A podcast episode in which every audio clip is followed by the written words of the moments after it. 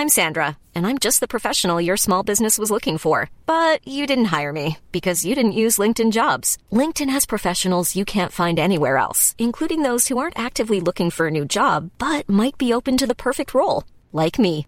In a given month, over 70% of LinkedIn users don't visit other leading job sites. So if you're not looking on LinkedIn, you'll miss out on great candidates like Sandra. Start hiring professionals like a professional. Post your free job on linkedin.com/people today. It's that time of the year. Your vacation is coming up. You can already hear the beach waves, feel the warm breeze, relax, and think about work. You really, really want it all to work out while you're away. Monday.com gives you and the team that peace of mind. When all work is on one platform and everyone's in sync, things just flow wherever you are. Tap the banner to go to Monday.com. Burrow's furniture is built for the way you live. From ensuring easy assembly and disassembly to honoring highly requested new colors for their award-winning seating, they always have their customers in mind. Their modular seating is made out of durable materials to last and grow with you. And with Burrow, you always get fast, free shipping. Get up to 60% off during Burrow's Memorial Day sale at burrow.com slash ACAST. That's burrow.com slash ACAST. burrow.com slash ACAST.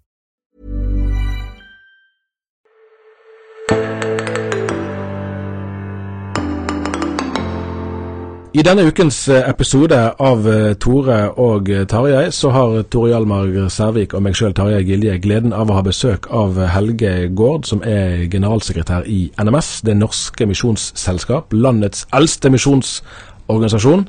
Og egentlig er jo bakteppet litt grann sørgelig, for denne uken skulle jo du og meg, Helge, vært i Ålesund sammen. Men det er vi altså ikke, og det er vi vel tre her nå som syns er litt trist. Ja, absolutt. Det, det er kjedelig. Her var lagt ned et godt grunnarbeid. og Tenk om vi hadde fått dette været. Ja, det kan du jammen si. Ja, det å være i Ålesund i så fint vær er jo uh, Ja. Det, det, er jo uh, rett og slett en stor opplevelse. Ja, det må du ha lov å si. Men, men, samtidig så er det ikke det, det, er ikke så veldig tung sorg i det, for vi skal til Ålesund 1. til 4. juli neste år. Ok. Det er enda lengre tid å glede seg. ja, akkurat. Det er jo en liten sånn eh, ironi i det, for sist gang var det vel et forslag så vidt jeg husker fra generalforsamlingen om å, eh, om å øke varigheten til fire år imellom. Men det fikk jo ikke flertall, og nå blir det jo for så vidt det, da. Det stemmer, korona fiksa det. Det som generalforsamlingen ikke visste, det ikke ville, det, det fiksa korona. Så sånn kan det altså gå. Du, jeg husker jeg hadde en, en eh, venn en gang som sa at han elsket reguleringsplaner. Jeg har aldri forstått helt uh, hvordan han kunne si det, men jeg satt her og tenkte i sted at det nesten så jeg kan si at jeg elsker generalforsamlinger. Altså i misjonsorganisasjoner, da. Ja, for du får litt oppsummert, og du får ja, det, liksom alt. Det gjør det. Det er så komprimert. Det er så mye både i sakspapirene, i historien, i debattene, i å møte folkene. Eh, og jeg vil kanskje si at NMS jeg er tilbøyelig til å mene at det er de som er flinkest da, til å arrangere eh, generalforsamlinger. Ja, men så fint. Eh, så må jeg bare få justere den at vi tenker for så vidt eh, generalforsamling to år etter Ålesund igjen i Trøndelag. sånn at eh, at vi forlater ikke den treårssyklusen, selv om korona lurer oss litt nå. Nei, altså Korona var jo ikke delegat i generalforsamlingen, så de har ikke stemmerett. Nei. så, sånn sett endrer det ikke. Greit å få det avklart. Nei, men jeg satt og leste i det, det kalles jo for forelegg, altså sakspapiret. Sant? For det var jo utarbeidet før eh, 12.3, for å si det sånn.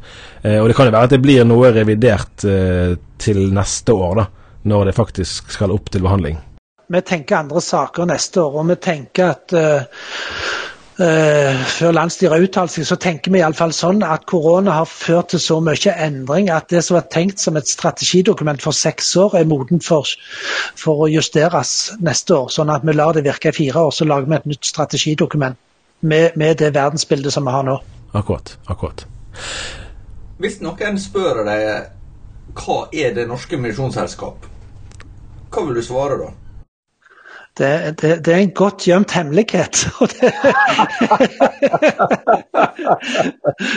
for det er jo veldig mange som ikke vet hva de skal forbinde med dette lenger. Det var annerledes i den tida da det var en misjonsforening i hver bygd, eh, ikke bare på Vestlandet, men hele Norge. Eh, så i dag er nok det en godt bevart hemmelighet. Men, eh, Men jeg, jeg, jeg, vil svare at vi er med på å fullføre det oppdraget Jesus ga oss en gang. Både for ånd, sjel og legeme, for he, hele mennesket. Med, med å dele tro på Jesus så gjør det vi kan for å utrydde fattigdom og, og bekjempe urettferdighet. Og det, I utgangspunktet så ble jo NMS starta for å sende misjonærer der er vi jo ikke i dag, på en måte. Vi har endra på dette. Så nå driver vi med samarbeidskirker, og vi sender òg misjonærer fra samarbeidskirker til andre land. Så det, det er et mye mer sammensatt bilde. Men vi, vi knytter kontakter i den verdensvide kirka, og det tror jeg òg Den norske kirka og våre samarbeidspartnere i Norge har veldig mye godt ut av, sånn at vi ikke blir oss sjøl nok. Vår, vår, journalist Birgit Oppheim var jo med til eh, Madagaskar. Madagaskar er vel en sånn urmisjonsland eh, i Norge. Jeg lurer på om det var en fire-fem år siden hun var med. og I forbindelse med det så tror jeg at vi hadde en sak der det sto at, at det å sende en norsk teolog da, til Madagaskar koster det samme som å lønne 16 lokale. Eh, og Om ikke 16 er helt nøyaktig tall, sant, så sier det likevel noe viktig om det som du sier noe om at, at det å sende nordmenn i misjonstjeneste, sånn som man har gjort eh, tradisjonelt, det er veldig dyrt. Ja, jeg vil si hun var veldig beskjeden når hun sa det sånt. Eh, jeg tror det å sende en nordmann til Madag norske til Madagaskar er mye dyrere enn mer enn 16 lønninger der ute. Mm. Men jeg, jeg, har ikke regna på det, men jeg tror det ja, Det kommer litt an på hva nivå det er, men jeg hadde nettopp bilder fra noen uh, nye Et nytt prestepar som var flytta til Hossi-traktene nede i skogen nedover mot kysten var plassert ut der. De, eh, de, har fått et jordhus, de har fått ei jordkirke. Det var tolv som gikk i kirka når de kom. Nå, nei, det var 25 var de som gikk i kirka når de kom, nå var de 50. Eh, disse kunne vi, altså, Hva lønn tror du disse 50 mm. eh, som dyrker jorda, gir deg? Det, det blir naturalia. Ja. Eh, men Guds rike går framover. Det er helt fantastisk. For vi, vi har jo pleid å telle sant, antall norske utsendinger. Og så sammenligner man de ulike organisasjonene mot hverandre og ulike misjonsområder mot hverandre. Men i dag er jo det regnestykket vanskeligere, sant? fordi at flere av, av misjonsorganisasjonene helt uttalt sier at de satser mindre på det å sende ut nordmenn, eh, sammenlignet med å samarbeide med lokale aktører. Vi gjør det Og på det meste. Så hvis vi blir på Madagaskar, som jeg jo kjenner godt her siden jeg har bodd der, ja. så, så, så en tid var det 120 norske voksne der ute. Uh, I, I, dag utdanner vi 900 nasjonale gassiske medarbeidere til å bli prester og, og, og arbeidere i, i den gassiske kirka med over 4-4,5 millioner medlemmer. Altså, det gir perspektiver som vi aldri har vært i nærheten av. Og det plantes en ny menighet omtrent hver uke der, leste jeg. Samtidig så vil noen spørre hvordan eh, er det mulig å bevare misjonsengasjementet i Norge hvis det er færre som reiser ut? Jeg, men, jeg hørte for noen år siden at det, fram til 1990 så var Norge det landet som sett i forhold til befolkninga sendte ut flest misjonærer. Og der er vi vel ikke nå lenger. Det handler jo også om at det har vært vekst i, i andre land. Men, men eh, hvordan tenker du sjøl? Altså, du valgte jo en gang å reise ut som misjonær. Eh, og, og, og har vel sikkert tanker om, om det med misjonskallet for nordmenn også. Ja, Nei, du vet, jeg, jeg vokste opp med en far som var prest, og jeg bestemte meg for å bli prest. og Da måtte jeg gjøre noe annet enn han en stund, så jeg meldte meg til å reise ut i, i verden. Eh, og det, det, angrer jeg ikke på, det var, det var en stor glede. Vi havna rett i generalstreik og var uten post i tre måneder, men det gjorde ingenting.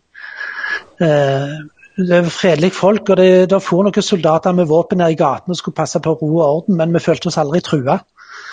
Uh, så vi, vi, hadde en god opplevelse av det. da, Men verden forandrer seg. og du vet, Ifra vi ikke fikk brev der, hva skal du si, akustiske brev, konkrete brev på tre måneder i, vi satt og leste ukeblader fra 60-tallet som lå på loftet fra tidligere misjonærer. Det var det vi hadde liksom av nytt påfyll. Og så disse eh, FM-radiosendingene, eller kortbølgesendingene fra Kvitsøy. Med, med, litt dårlig kvalitet. Men til i dag, vet du, der er det jo online. og nå, nå, nå kommuniserer jeg på Messenger med tidligere studenter og får uh, daglige rapporter og ser hva arbeid de står i. Så det, verden har forandra seg totalt, vet du. Og, og så, så, du tenker sånn sett så er det mulig å få en del impulser fra misjonen også om en ikke har så mange nordmenn der? Altså at det blir lettere å å, å formidle inntrykk?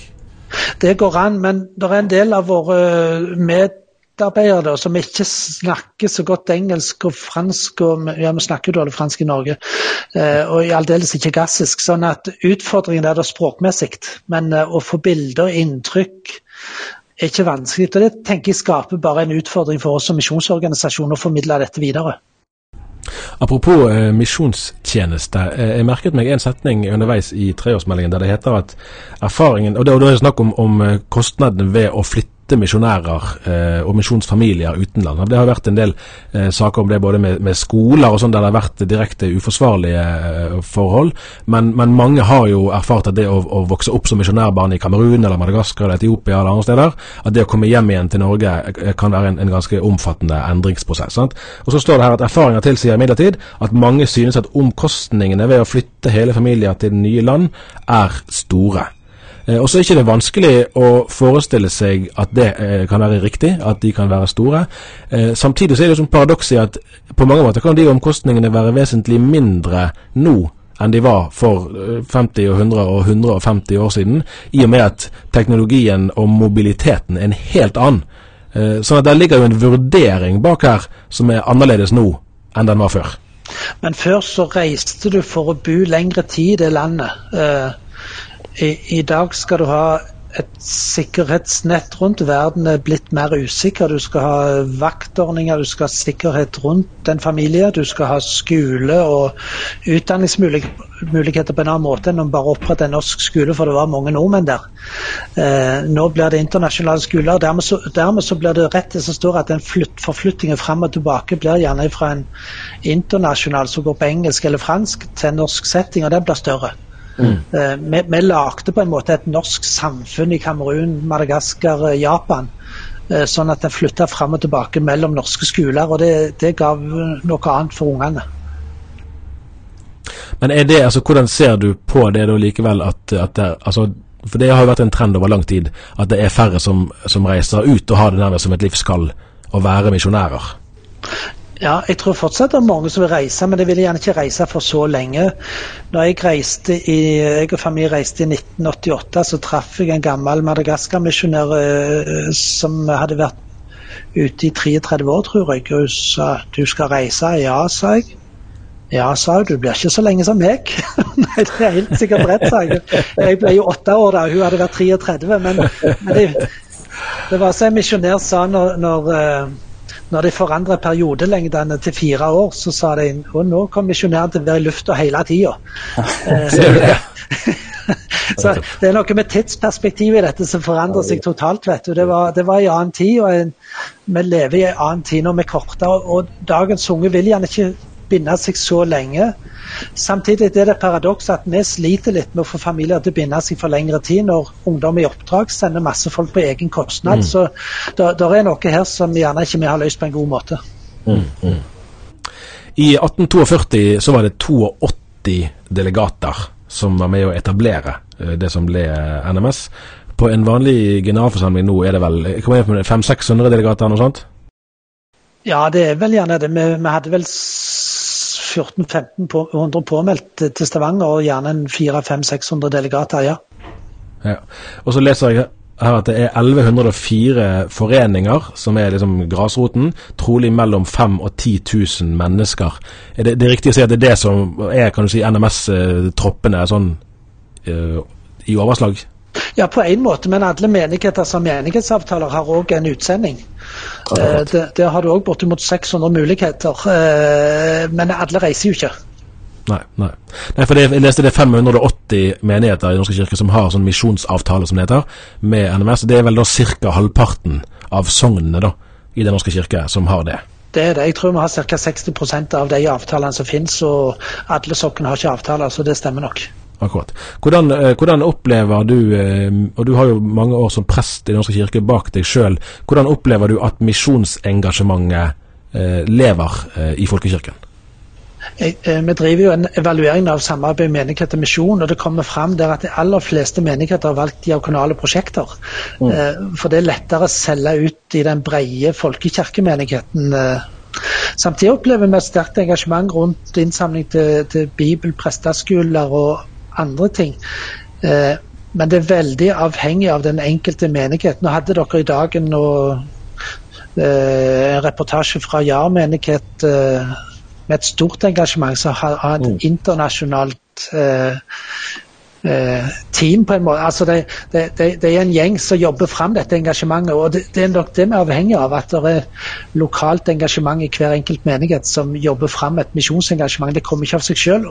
Og det kommer ikke av å innvilge to-tre offer og, og, ta det med i forbønn. Da må noe mer til. Så der vi ser det er folk som brenner for misjon, der, der er engasjementet stort på både på krav på informasjon og på hva de bidrar med av penger og bønner og oppmerksomhet. Tidligere så var det jo vanlig at det var nordmenn som reiste ut for å være misjonærer i andre land. Og nå har vi fått en utvikling der eh, mange flytter til Norge fra andre land. Eh, mange av dem er også kristne. Eh, og har NMS noen rolle der i å knytte nye landsmenn til menigheter i Norge? Vi prøver, men der er det veldig stort potensial som ikke er brukt. og jeg, jeg, tror nok òg i våre menigheter så er vi litt statiske på den liturgien vi har hatt, på en måte. Vi gjør ikke så mye for å gjøre det attraktivt for våre nye landsmenn, som da kommer med litt andre kulturbakgrunner. Eh, I Karmøy, der jeg var pro, så vet jeg Kopervik menighet var veldig flinke på å invitere inn eh, folk fra Burundi andreplass ble en del av menigheten. Men det var òg fordi det var folk der som jobba inn i de sammenhenger der de møttes, så de knytta kontakter. Eh, så dette er veldig individuelt og sånn, men eh, vi har veldig mye å gjøre der. Vi har en seksjon som vi kaller migrasjon. og det Navnet i seg selv er jo er gjerne litt misvisende, men det, det, det, det handler om å ta imot folk fra andre land som kommer til oss, samtidig som det òg handler om menneskerettigheter i andre land. Og det handler òg om å hjelpe andre kirker å bruke de erfaringene vi har, til å ta imot uh, folk som innvandrer i andre land. Så det er et veldig sånn brei sak. Det går ikke bare på å inkludere i Norge, men uh, det er en del av det. Men uh, der kunne vi nok, med de to-tre personene som er det, så kan vi ikke gjøre all verdens, men vi kan bidra til å holde det oppe som tema. Akkurat. Eh, litt tilbake til, til, det som du snakket om i sted, så vidt. Eh, der er jo laget et nytt grunnlagsdokument for misjonen. Det leste jeg med, med, veldig stor interesse. egentlig. Det forrige kom i 2004. Og disse dokumentene, Det er jo naturlig at de ja, det, det, sier jo for så vidt dokumentet i det skal bygge bro mellom det bibelske materialet om misjon og vår tid. Og tidene forandrer seg jo.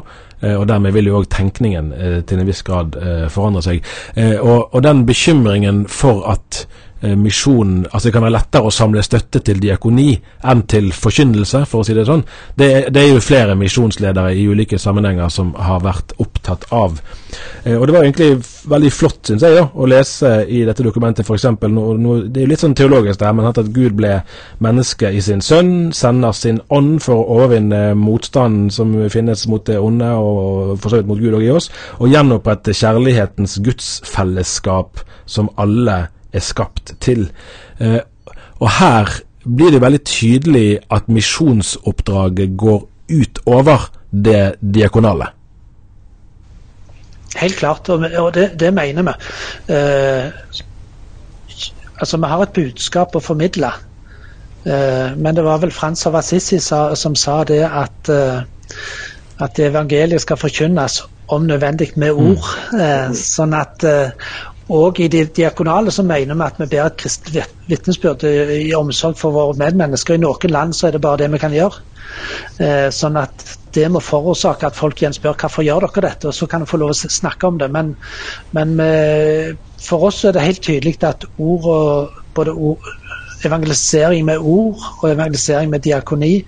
Og diakonien i seg selv, å menneske, la menneskene få, et verdig liv, har en verdi i seg selv. Men, men, det er klart det, det som ligger som tittel for dette grunnlagsdokumentet, 'Kjærligheten tar aldri slutt'. Og, og, det er jo den kjærligheten Gud har elsket oss med, og som vi skal bringe videre til våre medmennesker. og Det inkluderer jo alt fra både dette livet til evigheten.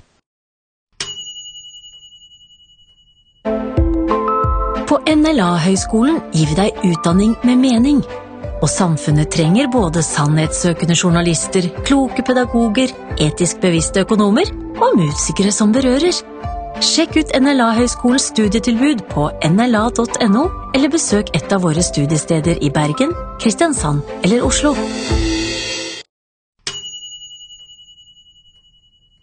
Hva er det som eh, du særlig vil si har vært interessant i denne treårsperioden i arbeidet til NMS? Hva, hva utviklingstrekk er det som, eh, som du mener er ja, spesielt verdt å legge merke til? Hvis du tenker på det globale arbeidet med samarbeid med våre samarbeidskirker og partnere, så har det omtrent gått sin gang. sånn som Der har vi langtidsavtaler og det går sin gang. Men det er klart at når det vokser f.eks. på Madagaskar, så er det en stor glede.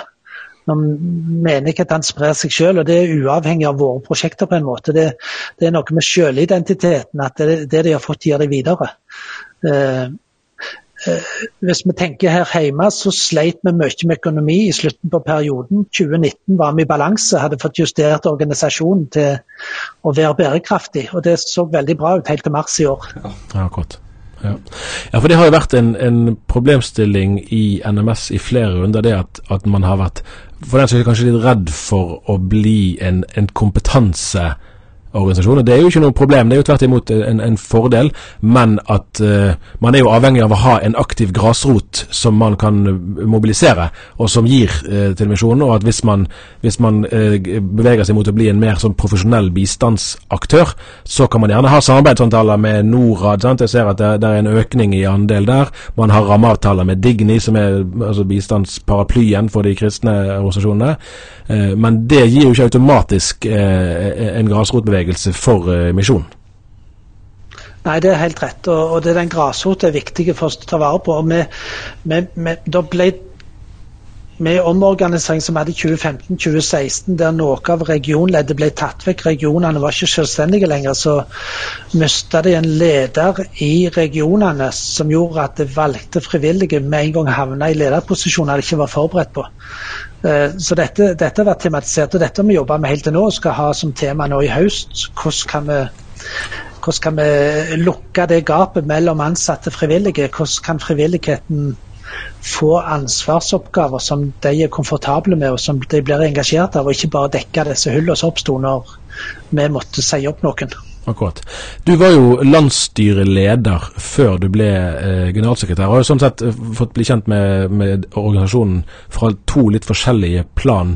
Eh, hva er det som fortoner seg annerledes? Nå har du vært i den rollen du har nå i, i, bare to og en halv måned, vel siden 1. april. Eh, du, skal ikke, du skal slippe å liksom, svare altfor utfyllende på det, men er det noe du ser annerledes nå av, av hvordan dynamikkene er rundt omkring, enn det du så som styreleder? Helt klart. Eh, hvis du, hvis du, skal ta et veldig enkelt eksempel, som styreleder så ser jeg det fra fugleperspektivet. Mm. Ser du ovenifra og de store linjene, ikke ned i de daglige eh, vurderingene om prosjekter og sånn. Alt det skjer administrativt. Eh, sånn at, at det å så Nå skulle jeg vært på reis hele våren med, på, på, på en blanding av rocketurné og forkynnerturné. Ja, du sånn, sånn at, at den gikk jo dukken. Eh, men uh, vi fikk til og med litt kompensert for tapte billettinntekter på den, så det var ikke dumt, det. da. Men i, i, i, alle fall så fikk jeg grave meg helt ned i organisasjonen. Nå har jeg sittet i team, Teams-møter og digitale møter siden jeg begynte til nå, så nå, nå vil jeg tro at det har no, vært noe av det beste inngangen jeg kunne ønsket meg å grave meg inn i organisasjonen fra alle verdensdeler via et tastetrykk. Uh, så sånn sett så har det vært kanskje en enda bedre inngang, og så får reisinga komme etter hvert. Men det jeg ser når jeg sitter, sitter som ansatt, så, så, er en mer inne i detaljene, og så kommer du mer i kontakt med samarbeidspartnerne. og jeg, jeg, var jo litt uheldig på en måte at jeg ramla midt oppi trøbbel med vår største samarbeidspartner på Madagaskar, som er gode venner av meg, og i tillegg i Thailand. Eh, så, så, det har ikke vært en udelt glede, men det, men det er likevel det å se hvordan sånne ting fungerer, det, det, det, det blir en helt annen vinkel å se det ifra. I hvert fall det med Madagaskar, bare for å ta den litt, det Madagaskar har vi jo skrevet litt om, at det var jo et, et slags tillitsbrudd der. Kan du si litt om hvor den saken står uh, nå? Ja, uh, altså Madagaskar har sitt regelverk som gjerne ikke er oppdatert på samme måten som resten av verden. og i forhold til økonomi og korrupsjon, transparanse, har jo verden gått mange, mange skritt framover pga. dårlige opplevelser. Så har uh, det tvunget seg fram regelverk. Uh, sånn at uh, vi nå stiller veldig strenge krav til revisjonsberetninger til, og, og Norad, ikke mindre. Eh, det skaper noen utfordringer på samfunn som ikke har hatt den samme utviklinga, deriblant mm. Madagaskar. Mm. revisjon skal vi få til, og det er på gang. Eh, men det de protesterer mest på, det er at vi skal forvente at det skal være nøytrale valgobservatører fra Lutherske verdensforbund. Og, og, da sier vi at dette er jo en del av familien. De har selv valgt disse folkene som sitter i Lutherske verdensforbund, så det skulle ikke være vanskelig. Og I tillegg har stat har valgobservatører, men på en måte Eh, har dette blitt en prestisjesak at det truer deres selvstendighet? At vi vil inn og bestemme hvordan de skal ha det? Så vi må eh, vi prøver å kommunisere på en grei måte, men det er noen kulturgreier òg i dette som gjør noen utfordringer, og så er det noen personligheter. Og så er det jo også at Vi vet fra forrige valg så var det antydninger til valgfusk, og, og er bekymra for det denne gang. Så vi prøver på en måte å støtte de gode kreftene. Hvordan er det for deg som eh, misjonsleder å, forholde deg til det at på ene sida så, så eh, arbeider en for forandring av både samfunn, men også mennesker som, som eh, i møte med evangeliet får et annet ja, livsperspektiv, en annen standard for hvordan livet skal være. Og samtidig så må du leve med det at det er kulturforskjeller og også menneskelig svikt som eh, skaper problem. Hvordan er det for deg som, som kristen leder? Ja, det, det, det, er jo en utfordring, det. Der. Samtidig som vi ikke skal Vi vet veldig godt at vi skal ikke trykke på uh, De skal ikke bli som oss, som Sigvart Aksland synger. Mm. Jeg tror det er han som synger om det. Men, eller er det Bjørn Eidsvåg? Det er gjerne Bjørn Eidsvåg. Men i alle fall så uh, så Det som gleder meg opp i det i forhold til problemet på Madagaskar, er at det er ikke mislighold i prosjektene. Prosjektene fungerer helt akkurat som de skal og etter planen. Uh, men så er det den kjerke, sentrale kirkeledelsen som vi stiller noen krav som formidler, som gjør at dette blir en utfordring. Men på grunnplan er det ingen problemer. uh, Vi har god kommunikasjon med, med alt, og vi tror vi skal få uh, en grei løsning på det. Det, nå kan det være at jeg blir litt sånn teologisk nerdete her, da, men, men, jeg er tilbake til dette misjonsgrunnlagsdokumentet. For det var en formulering til som jeg syns var ganske, ganske eh, klok for å si det sånn. Og da står det, da, for da er vi inne i, i, i behovet for, uh, for, misjon, hvorfor det er viktig. Og da står det Vi forstår ikke hvordan Guds avvisning av noen i dommen kan forenes med budskapet om Gud som evig uendelig og uforanderlig kjærlighet. At man forstår ikke eh, den doble utgang. på en måte Og Det er jo mange som kan kjenne seg igjen i, i den. Eh, og Det har jo biskop Norhaug egentlig skrevet bok om nettopp. Men så står det etterpå vår oppgave er imidlertid ikke å løse det problemet, men å forkynne evangeliet om Guds frelse med troskap. Altså der, Jeg leser der at det er ikke noe forsøk på å, å levere en enkel og entydig eh, altså et svar på, på, problemet, men samtidig å betone tydelig og klart hva som er misjonens oppgave. Helt klart. og Det er ingen hemmelighet at vi, vi er en av eierne på VID. Og vi bruker den kompetansen vi kan få tak i når vi skal lage sånne gode formuleringer. Mm, akkurat. Det er veldig gøy, forresten. Det er det ikke alle som vet det, at uh, NMS har jo det enestående fortrinnet at postadressen er jo Misjonsmarken. Det er ikke bare en metafor, det heter jo Og der skal jo Jeg kom på det nå fordi det står at VID skal samlokalisere sine campuser i Rogalandsområdet. Eh, og de òg får jo da adresse Misjonsmarken 1, tror jeg til og med det var. Ja, jeg, jeg tror vi VID har Misjonsmarken 13. Ja, ok, jeg aksepterer det. Det er litt, der er litt flater mellom her som skal få de andre numrene, men, men, det kommer til å bli omsorgsleiligheter. Vi prøver på et Kirkens hus, samle kirkeverge biskop. Vi har mange planer for dette. her, så vi, Dette området skal utvikles til et virkelig kraftsenter i Rogaland. så det håper Og, og utover landet òg, med hjelp av den skolestrukturen. Men vi håper og tror at dette skal bli flott. Jeg har sittet i to, møter om dette i dag. Sier du det, ja? Det har jeg. Altså, Gatenavnet betyr jo det det betyr, men det sier jo egentlig ikke så lite om den historiske arven som du eh, er satt til å forvalte. Jeg lurer litt på, eh, når du vet så mye om hvordan det har vært, du snakket om hvor mange norske utsendinger som var på Madagaskar i sin tid osv., osv.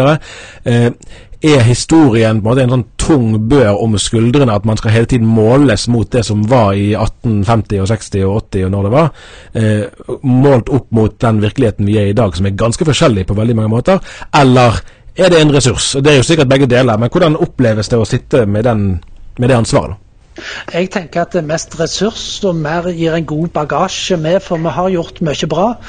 Og så er det klart gjennom historiens løp så er det noen sår som er tunge å dra på, og de, de drar vi med oss uh, av uh, unger som er blitt atskilt fra foreldre, og unger som har vært utsatt for ting de ikke skulle bli utsatt for. Men, men, men, hvis vi ser på det store bildet og den store historien og det engasjementet som har vært for uh, Guds rikes vekst og for den verdensvide kirka, så, så, er dette bare en, en glede å ha med seg. Hvordan er det å prioritere? Som du nevner, så har dere hatt eh, behov for å si, sette tæring etter næring eh, i NMS, og dermed så fikk dere gjort alt dere skulle ønske dere fikk gjort. Og det er jo en kjent problemstilling for de fleste kristne organisasjoner. Hvordan eh, arbeider du for å prioritere? Ja, Vi har, vi har et klart uh, mål om å øke vårt uh, formålsarbeid. Og Derfor gikk den siste nedskjæringen gikk rundt i regionene. og det kan si Dessverre får vi sage litt greiene vi sitter på.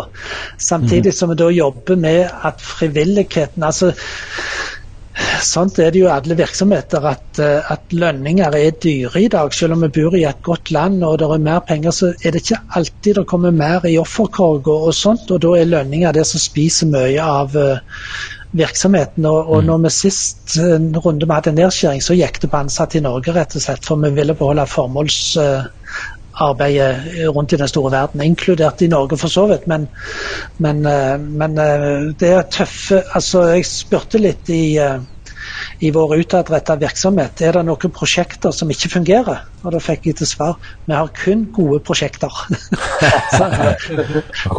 sånn at, at uh, det, det, koster det å ta vekk noe. Men mm.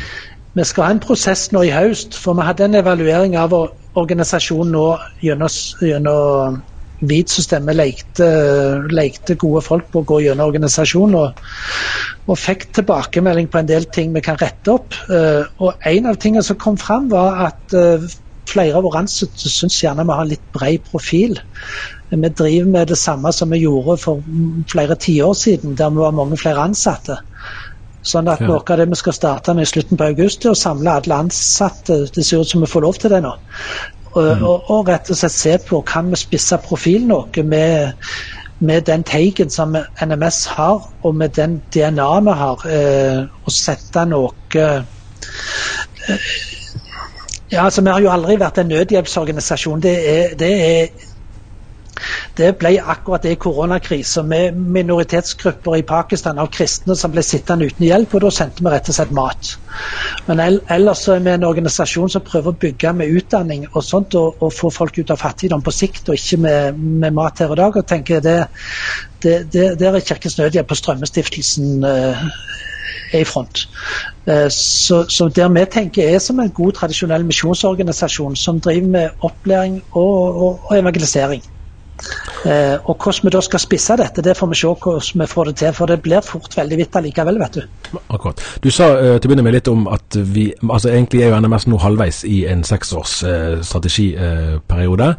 Uh, og det står òg litt i, i treårsmeldingen om at man det er ikke alt man har rukket å arbeide med, altså alle punktene i den strategien som ble vedtatt i 2017. Og til dels er det naturlig, man får ikke gjort eh, alt eh, på en gang. Men så er det jo noen formuleringer som man nesten må tolke det sånn at ok, det er en viss knapphet på ressurser, man er ikke helt sikker på om man faktisk klarer å komme gjennom alt det som, som generalforsamlingen den gang eh, la opp til. Og en av sakene som skulle vært drøftet nå eh, denne uken, er jo et, et, et, et sånn, eh, diskusjon med, med delegatene om ok, hva er det vi skal prioritere, hva er det som det er mulig å samle samle støtte for i tilstrekkelig omfang til at, at det er bærekraftig?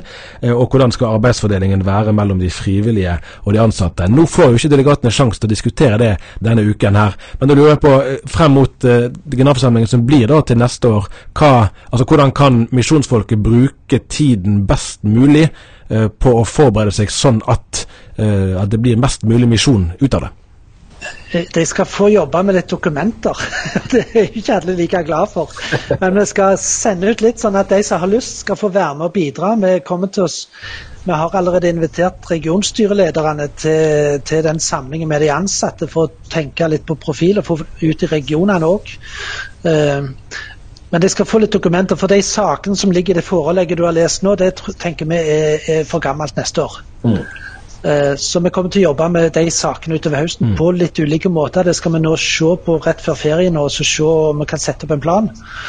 Eh, men vi kommer nok til å kjøre frem en ny strategiplan og kanskje noen policydokumenter i forhold til vårt arbeid ute og i samarbeid med Norske kirke og litt sånn. For det, alt dette flyter litt. Vi har ikke på en måte nedfelt det i konkrete greier. og kanskje det var noe som kunne trigge generalforsamlingen litt neste år, og få litt sånn mulig til å påvirke konkrete policydokumenter. Selve valget som skulle vært nå, de prøver vi å ta digitalt i høst, sånn at vi får valgt et nytt landsstyre. Så står nye kandidater klare og ivrige til å ta over. Ja, så Det blir en slags ekstraordinær generalforsamling i digital form, mens den, den fulle blir neste år? Det blir en ekstraordinær valg-generalforsamling, ja. ja, ja, ja. Til slutt, hvordan mener du en skal skape misjonsengasjement? En organisasjon som NMS eh, er jo helt avhengig av å ha engasjement for å kunne drive. Det aller aller beste jeg skulle hatt, det var tatt folk med ut på tur og vist det arbeidet. Det skaper et utrolig engasjement. Eh, samtidig så kan vi ikke gjøre eh, våre samarbeidskirker til utstillingsvinduer og, og gjester hele tida, men jeg ser de som har fått kommet ut, får et engasjement. Og, og, da tenker jeg at det samme engasjementet bortimot klarer vi å skape med å gi gode fortellinger og ta historiene hjem og fortelle hva som skjer ute. Og Det tror jeg rett og slett Det, det opplevde jeg selv var en inspirasjon i min prestetjeneste i menighet. At at kristentrua vokser rundt omkring i verden. Hvorfor skal det ikke vokse hos oss? Altså Det gir litt pågangsmot og frimodighet til å stå i den tjenesten som vi står i òg i Norge. Der vi har årsstatistikker år for år som der det minker på medlemmer. Det minker sånn og det minker sånn. Men, men det å se at Guds rike vokser totalt sett, det tenker jeg kan være med å skape et pågangsmot og frimodighet òg i norsk setting. Du, Da tror jeg vi avslutter med en omskriving av en kjent uh, hilsen. Uh, vanligvis er det Jerusalem vi sier her, men vi kan si noe neste år i Ålesund. Det kan vi gjøre. Det støttes. Kom til Ålesund. Gleder meg til å møte dere der. Det blir veldig kjekt. Takk for praten. Takk for det. Ha det godt. Hei.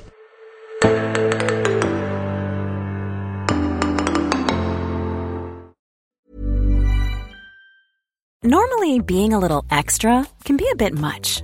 But when it comes to healthcare, it pays to be extra. And United Healthcare makes it easy with Health Protector Guard fixed indemnity insurance plans. Underwritten by Golden Rule Insurance Company, they supplement your primary plan, helping you manage out of pocket costs without the usual requirements and restrictions like deductibles and enrollment periods. So when it comes to covering your medical bills, you can feel good about being a little extra. Visit uh1.com to find the Health Protector Guard plan for you. Hi, I'm Daniel, founder of Pretty Litter. Did you know cats tend to hide symptoms of sickness and pain? I learned this the hard way after losing my cat, Gingy. So I created Pretty Litter, a health monitoring litter that helps detect early signs of illness by changing colors, saving you money and potentially your cat's life. Pretty Litter is veterinarian developed, and it's the easiest way to keep tabs on your fur baby's health right at home. Go to prettylitter.com and use code ACAST for 20% off your first order and a free cat toy. Terms and conditions apply. See site for details. Even when we're on a budget, we still deserve nice things. Quince is a place to scoop up stunning high end goods for 50 to 80% less than similar brands. They have buttery soft cashmere sweaters starting at $50, luxurious Italian leather bags, and so much more. Plus, Quince only works with factories that use safe, ethical, and responsible manufacturing. Get the high-end goods you'll love without the high price tag with Quince. Go to quince.com/style for free shipping and 365-day returns.